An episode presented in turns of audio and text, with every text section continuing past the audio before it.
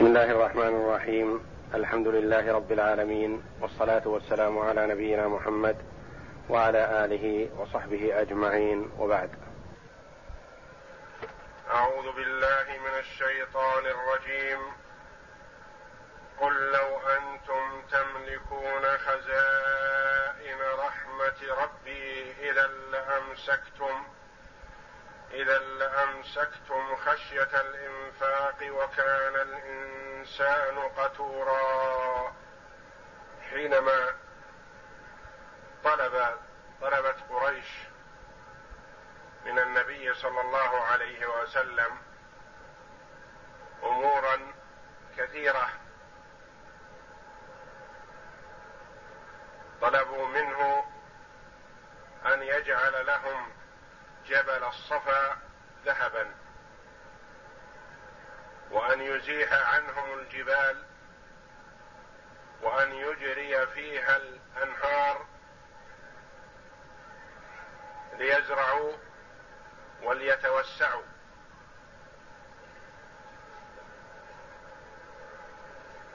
قال الله جل وعلا قل يا محمد الكفار الذين طلبوا ما طلبوا والله جل وعلا لا يعجزه شيء. إنما أمره إذا أراد شيئا أن يقول له كن فيكون. ولكنه جل وعلا أراد أن يبين بخل الإنسان إلا من وفقه الله جل وعلا وهداه وأرشده للصواب.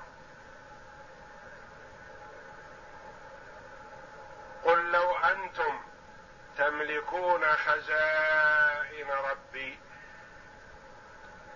لو ملكتم خزائن ربي العظيمة الواسعة الكثيرة خزائن الرحمة.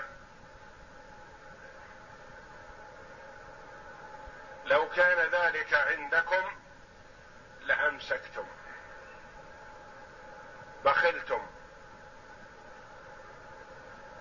ولم تعطوا الناس شيئا.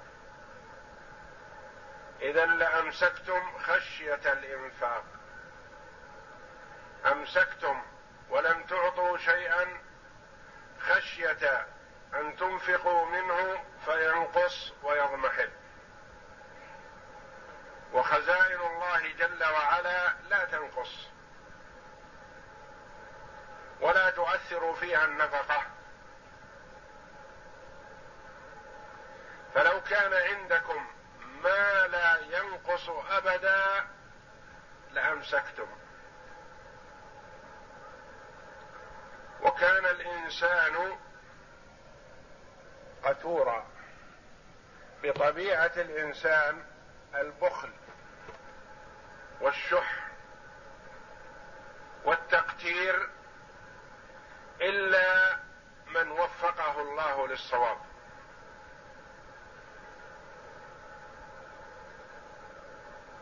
يقول جل وعلا إن الإنسان خلق هلوعا. إذا مسه الشر جزوعا وإذا مسه الخير منوعا إلا المصلين. فالشح والتقتير والبخل من طبيعة الإنسان إلا من هداه الله ووفقه. والله جل وعلا قال ومن يوق شح نفسه فأولئك هم المفلحون. فالله جل وعلا في هذه الآية الكريمة يبين شح الإنسان وبخله وإمساكه عن الإنفاق ولو أن عنده شيء لا يضمحل ولا يقضي ولا ينتهي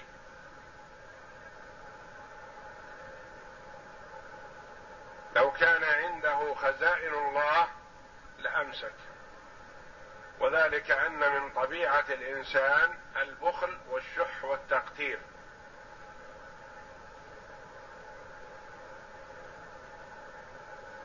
والله جل وعلا عنده الخير العظيم ويعطي ما شاء ولا ينقص ما عنده أبدا.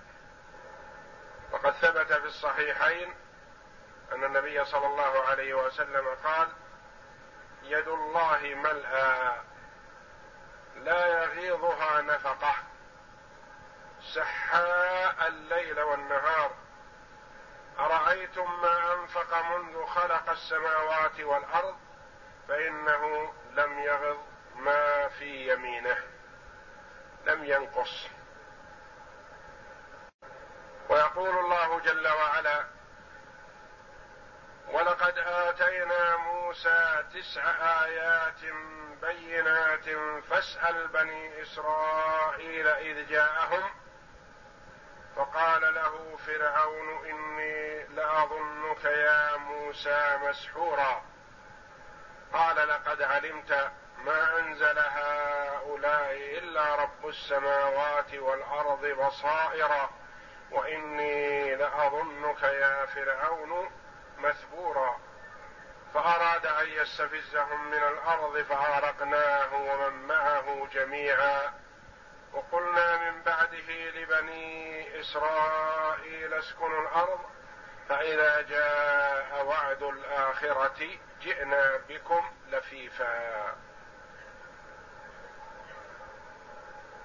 مناسبة ذكر ما أعطى الله جل وعلا موسى على نبينا وعليه أفضل الصلاة والسلام من الآيات العظام في هذه السورة المكية التي فيها الدعوة إلى توحيد الله جل وعلا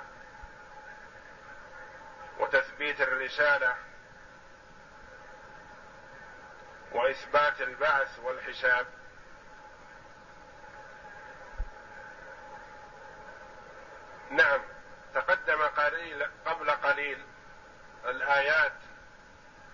في طلب قريش من النبي صلى الله عليه وسلم أمورا.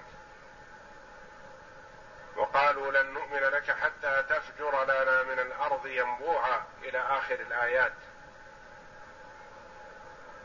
يقول الله جل وعلا فقد أعطينا موسى آيات عظيمة واضحة بينة. أجراها الله جل وعلا على يديه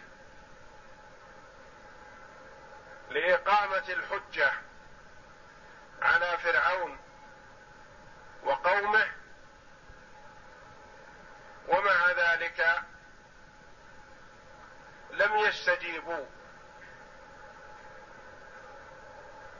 ولم يؤمنوا ولم يصدقوا موسى عليه الصلاة والسلام. فاستأصلهم الله جل وعلا بالعذاب. وقومك يا محمد إن أعطيناهم الآيات التي طلبوا ثم لم يؤمنوا وهذا شيء محقق لأن من لم يؤمن بالقرآن لن يؤمن بغيره من الآيات. فإنه لا بقاء لهم بعد ذلك.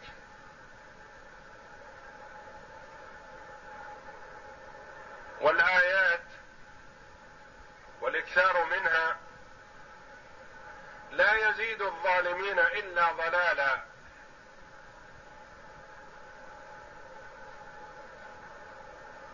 ومن أراد الحق فقد وجد ما يكفي ويشفي.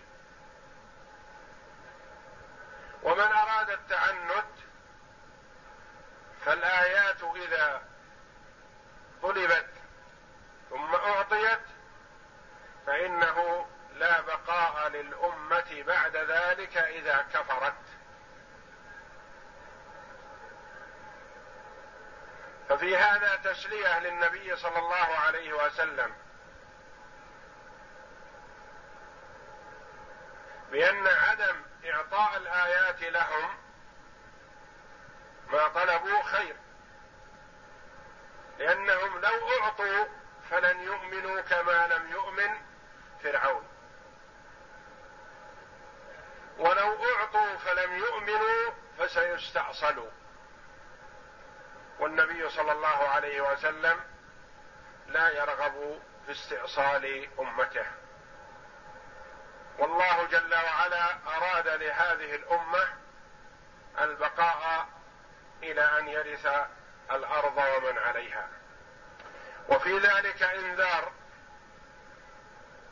وتخويف لكفار قريش بأننا إن أعطيناكم ما طلبتم فلم تؤمنوا استأصلناكم بالعذاب كما استأصلنا فرعون وقومه. لما أعطوا من الآيات الدالة على صدق موسى عليه السلام فلم يؤمنوا استأصلهم الله جل وعلا بالغرق.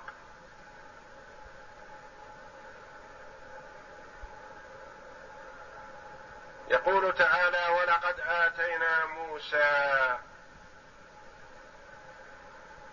اللام موطئه للقسم وقد حرف تحقيق وآتينا بمعنى أعطينا موسى عليه السلام تسع آيات كل واحدة تدل دلالة واضحة على صدقه عليه الصلاة والسلام. ما هذه التسع؟ اتفق على سبع منها وهي اليد والعصا والطوفان والجراد والقمل والضفادع والدم. سبع آيات. واثنتان اختلف المفسرون رحمهم الله فيها. أهي الأخذ بالسنين ونقص من الثمرات. أم هي المسخ؟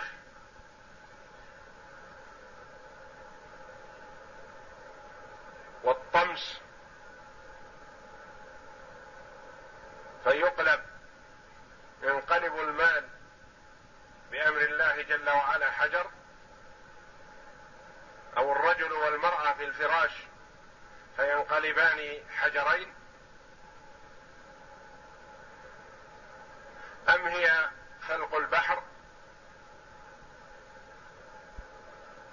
أم هي نبوع الماء من الحجر بعيون متعددة؟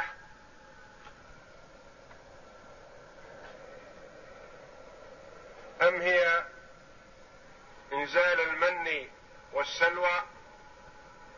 والأقرب والله أعلم أنها الأخذ بالسنين ونقص في الثمرات. لأن هذه التي حصلت لقوم فرعون. وأما فلق البحر فكان لإغراق فرعون نهاية أمره. والتضليل بالغمام وإنزال المن والسلوى هذا بعد هلاك فرعون. كان لبني إسرائيل وكذلك تفجر العيون من الحجر الصغير عيون الماء من الحجر الصغير. هذه كانت لبني إسرائيل لما كانوا في التيه بعد غرق فرعون وإهلاكه. ولقد آتينا موسى تسع آيات.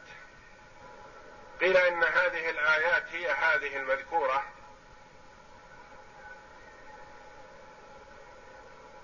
وقيل غير ذلك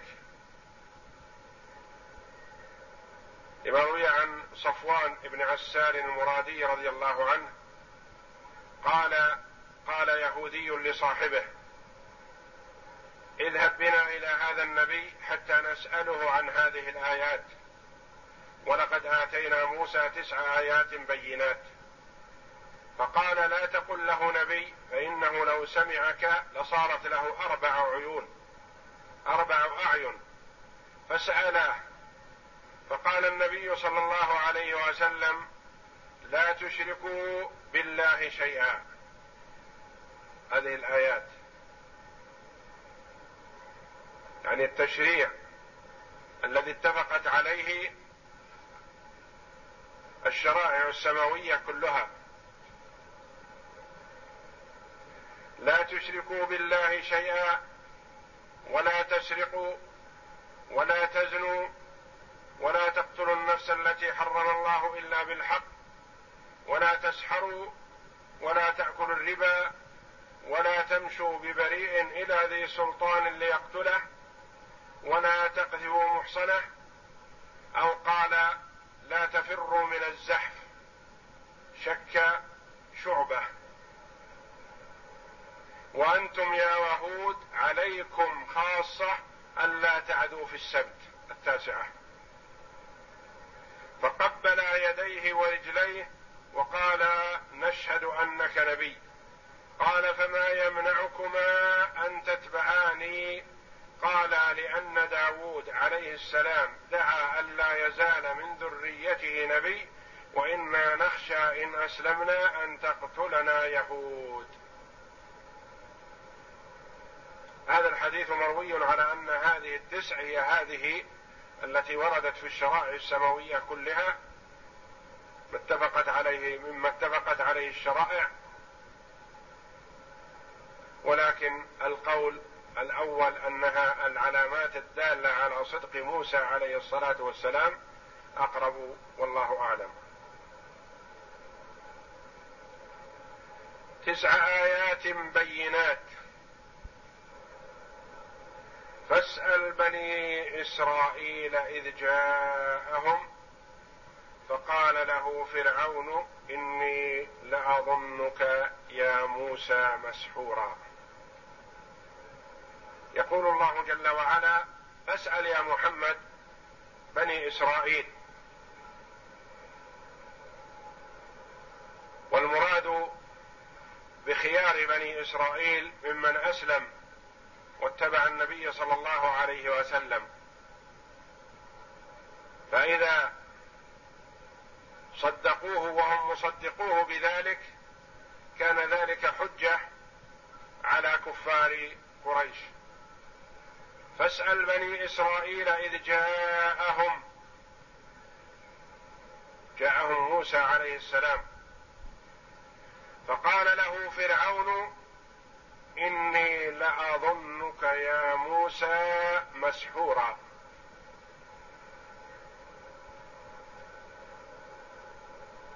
لما عجز فرعون عن رد ما جاء به موسى عليه السلام وعن أن يأتي بمثل ما جاء به قال له أظنك مسحور. أصبت بسحر فاختل عقلك.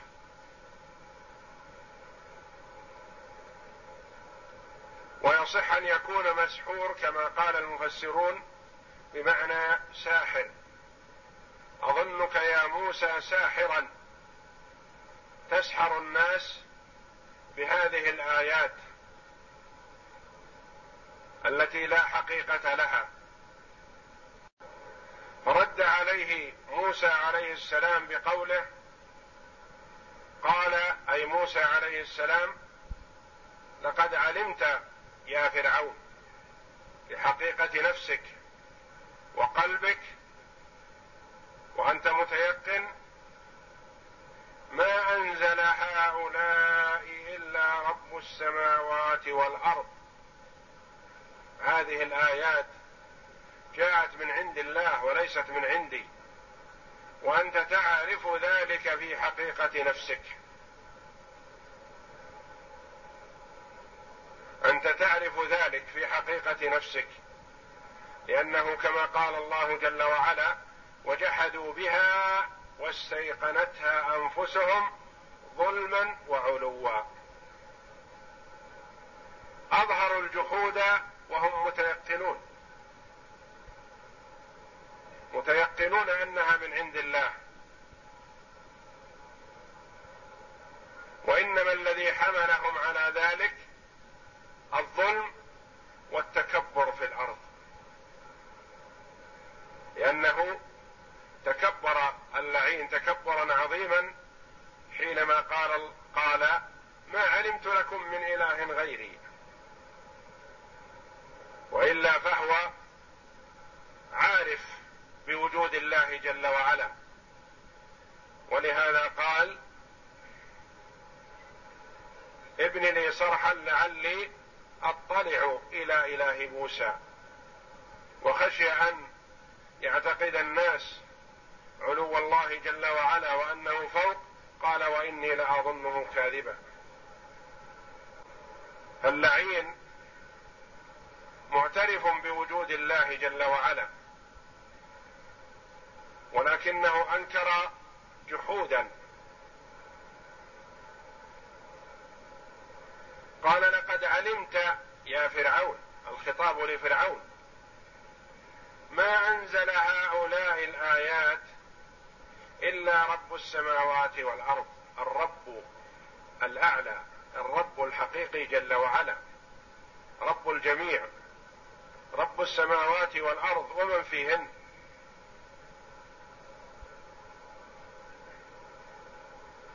إلا رب السماوات والأرض بصائر أي آيات مبصرة واضحة بينة لا شك فيها. وليتبصر الناس بها الحق ليستظهروا الحق بهذه الآيات. بصائر وإني لأظنك يا فرعون مثبورا.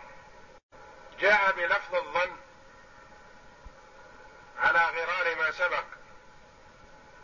وإلا فظن فرعون حدس ولا حقيقة له وليس بصحيح لأن الآيات واضحة وهو يعرف اللعين بأن موسى عليه السلام ليس مسحورا ولا ساحرا. وجاء ظن موسى وهو حقيقة على شكل الظن السابق.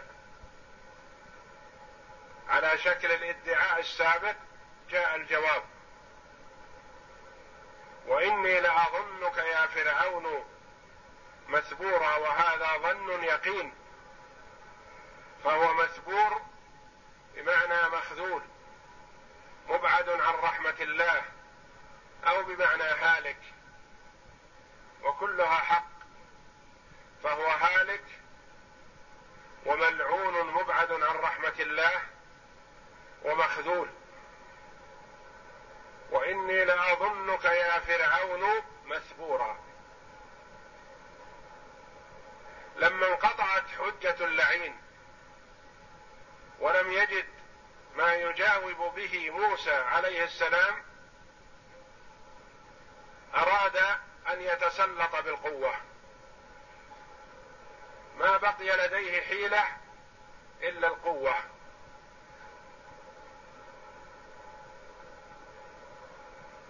التسلط ظلما وعدوانا. فاستعجل العذاب على نفسه. لأنه أراد أن يقضي على موسى ومن آمن به. فعجل الله جل وعلا القضاء عليه.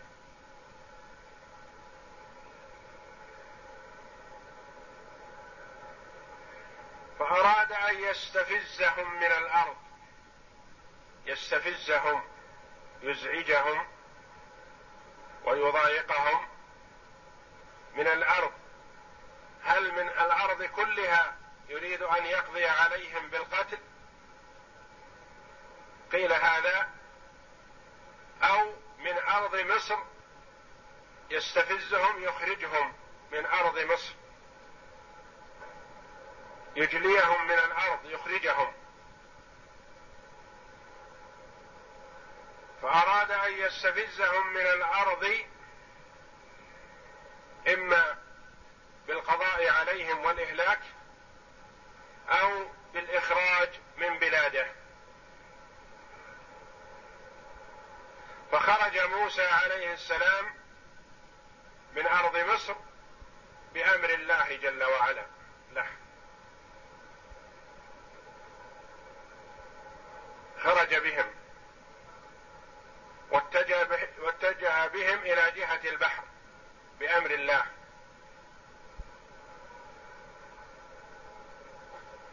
فلما قرب موسى من البحر التفت من معه. فرأوا أن فرعون وقومه قد لحقوا بهم. فقالوا كما قال الله جل وعلا عنهم إنا لمدركون. البحر أمامنا والعدو خلفنا. أين المنفذ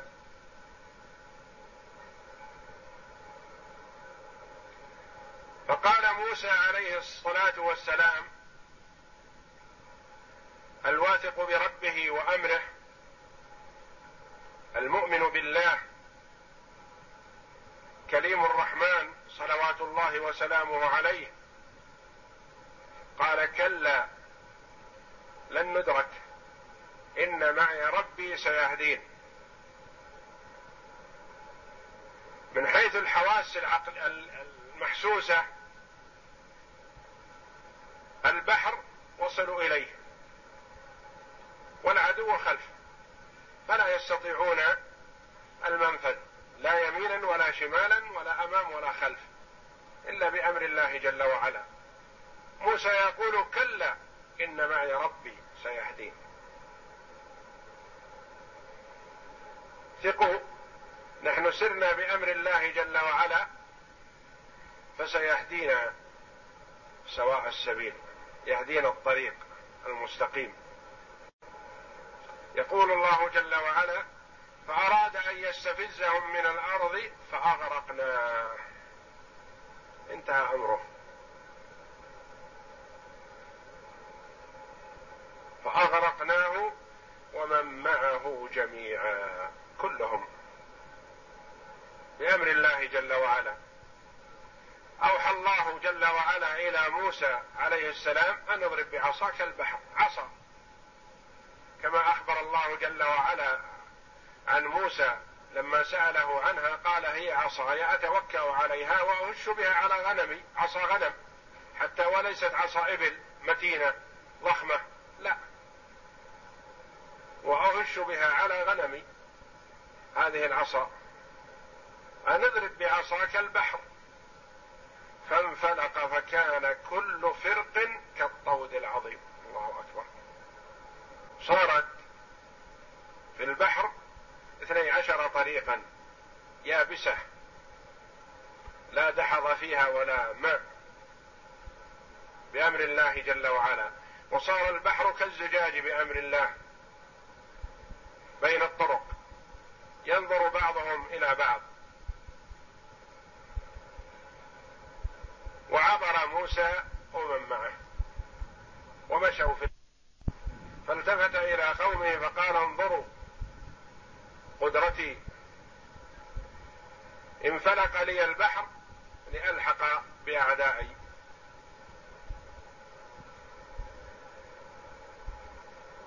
فلما خرج موسى ومن معه كلهم من البحر ودخل فرعون ومن معه كلهم في البحر صاروا.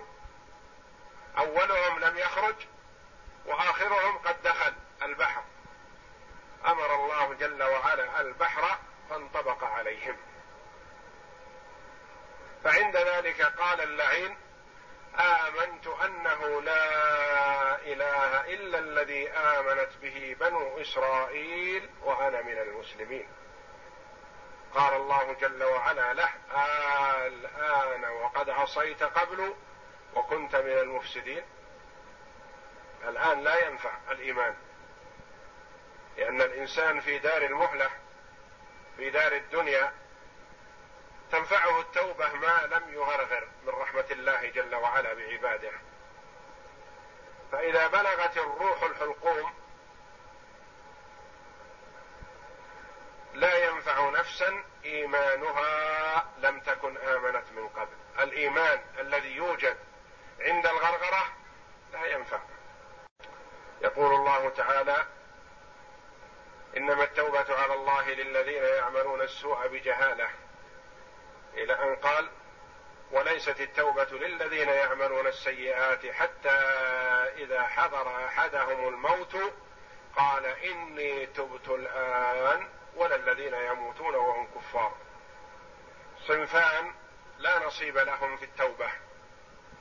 الذي يتوب عندما يرى الملائكة لقبض روحه عندما يعاين.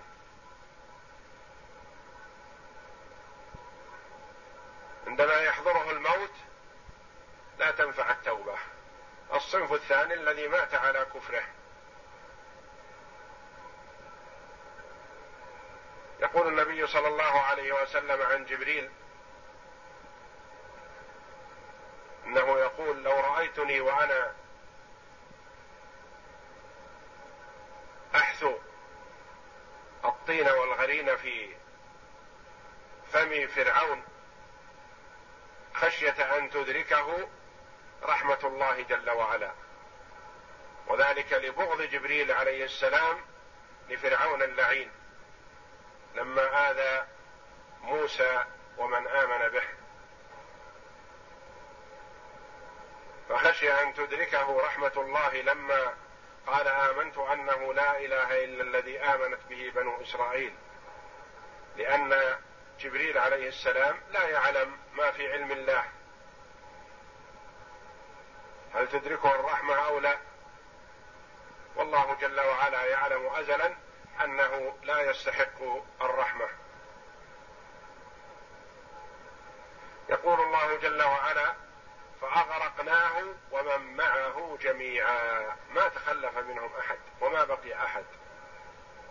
وأما نجاته في قوله جل وعلا فاليوم ننجيك ببدنك يعني يبقى جسمه. بقي جسمه لم يذهب في البحر. وذلك والله أعلم ليؤمن ويصدق بنو إسرائيل بأن هذا هو فرعون الذي غرق هو فرعون الذي آذاهم لأن الفراعنه كثير. أن كل من ملك مصر في السابق يسمى فرعون. فكان بنو إسرائيل لتعاظمه تعاظم فرعون وتسلطه عليهم وجبروته وعناده وغطرسته عليهم وتكبره يظنون أنه لا يستطيعه أحد لا لا يستطيعه الموت لا يموت ولا يغرق. لأنه قال أنا ربكم الأعلى. فالله جل وعلا ابقاه ببدنه آية علامة على قدرته سبحانه وتعالى. وقلنا من بعده لبني إسرائيل اسكنوا الأرض. جعل الله جل وعلا ديار ومساكن وقصور فرعون وقومه لبني إسرائيل. جعل الله جل وعلا لهم تفضلا منه وإحسان. وقلنا من بعده بعد أغراقه وقومه لبني إسرائيل اسكنوا الأرض أرض مصر وأرض الشام وما بينهما. استمتعوا بها في الدنيا فإذا جاء وعد الآخرة جاءت القيامة يوم القيامة جئنا بكم لفيفا. جئنا بكم جميعا. كلكم. واللفيف الجمع الكثير من أصناف وأجناس شتى. يعني جئنا بكم جميعا أنتم والفراعنة وغيرهم ويكون العرض والحساب هناك. جئنا بكم لفيفا. فهذه آية عظيمة من آياته تعالى يقصها على نبينا محمد صلى الله عليه وسلم ويقول له اسأل بني إسرائيل يصدقوك فيما تقول. بما حصل جل وعلا منه تعالى من إعزازه ونصره لأوليائه والمؤمنين به وخذلانه جل وعلا لأعدائه ومن أعرض عن طاعته. وأنه جل وعلا لا يعجزه شيء.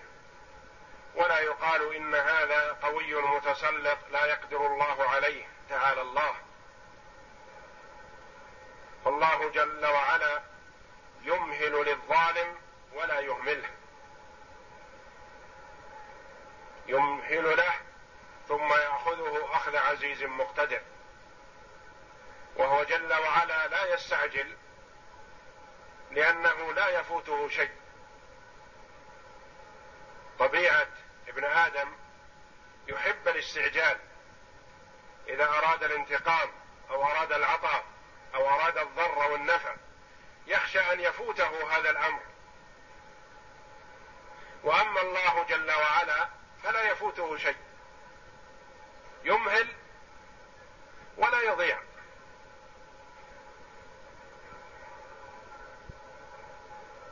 لا يضيع هذا الشيء منه أو يفلت أو يسلم أو ينجو وهو لا يريد ذلك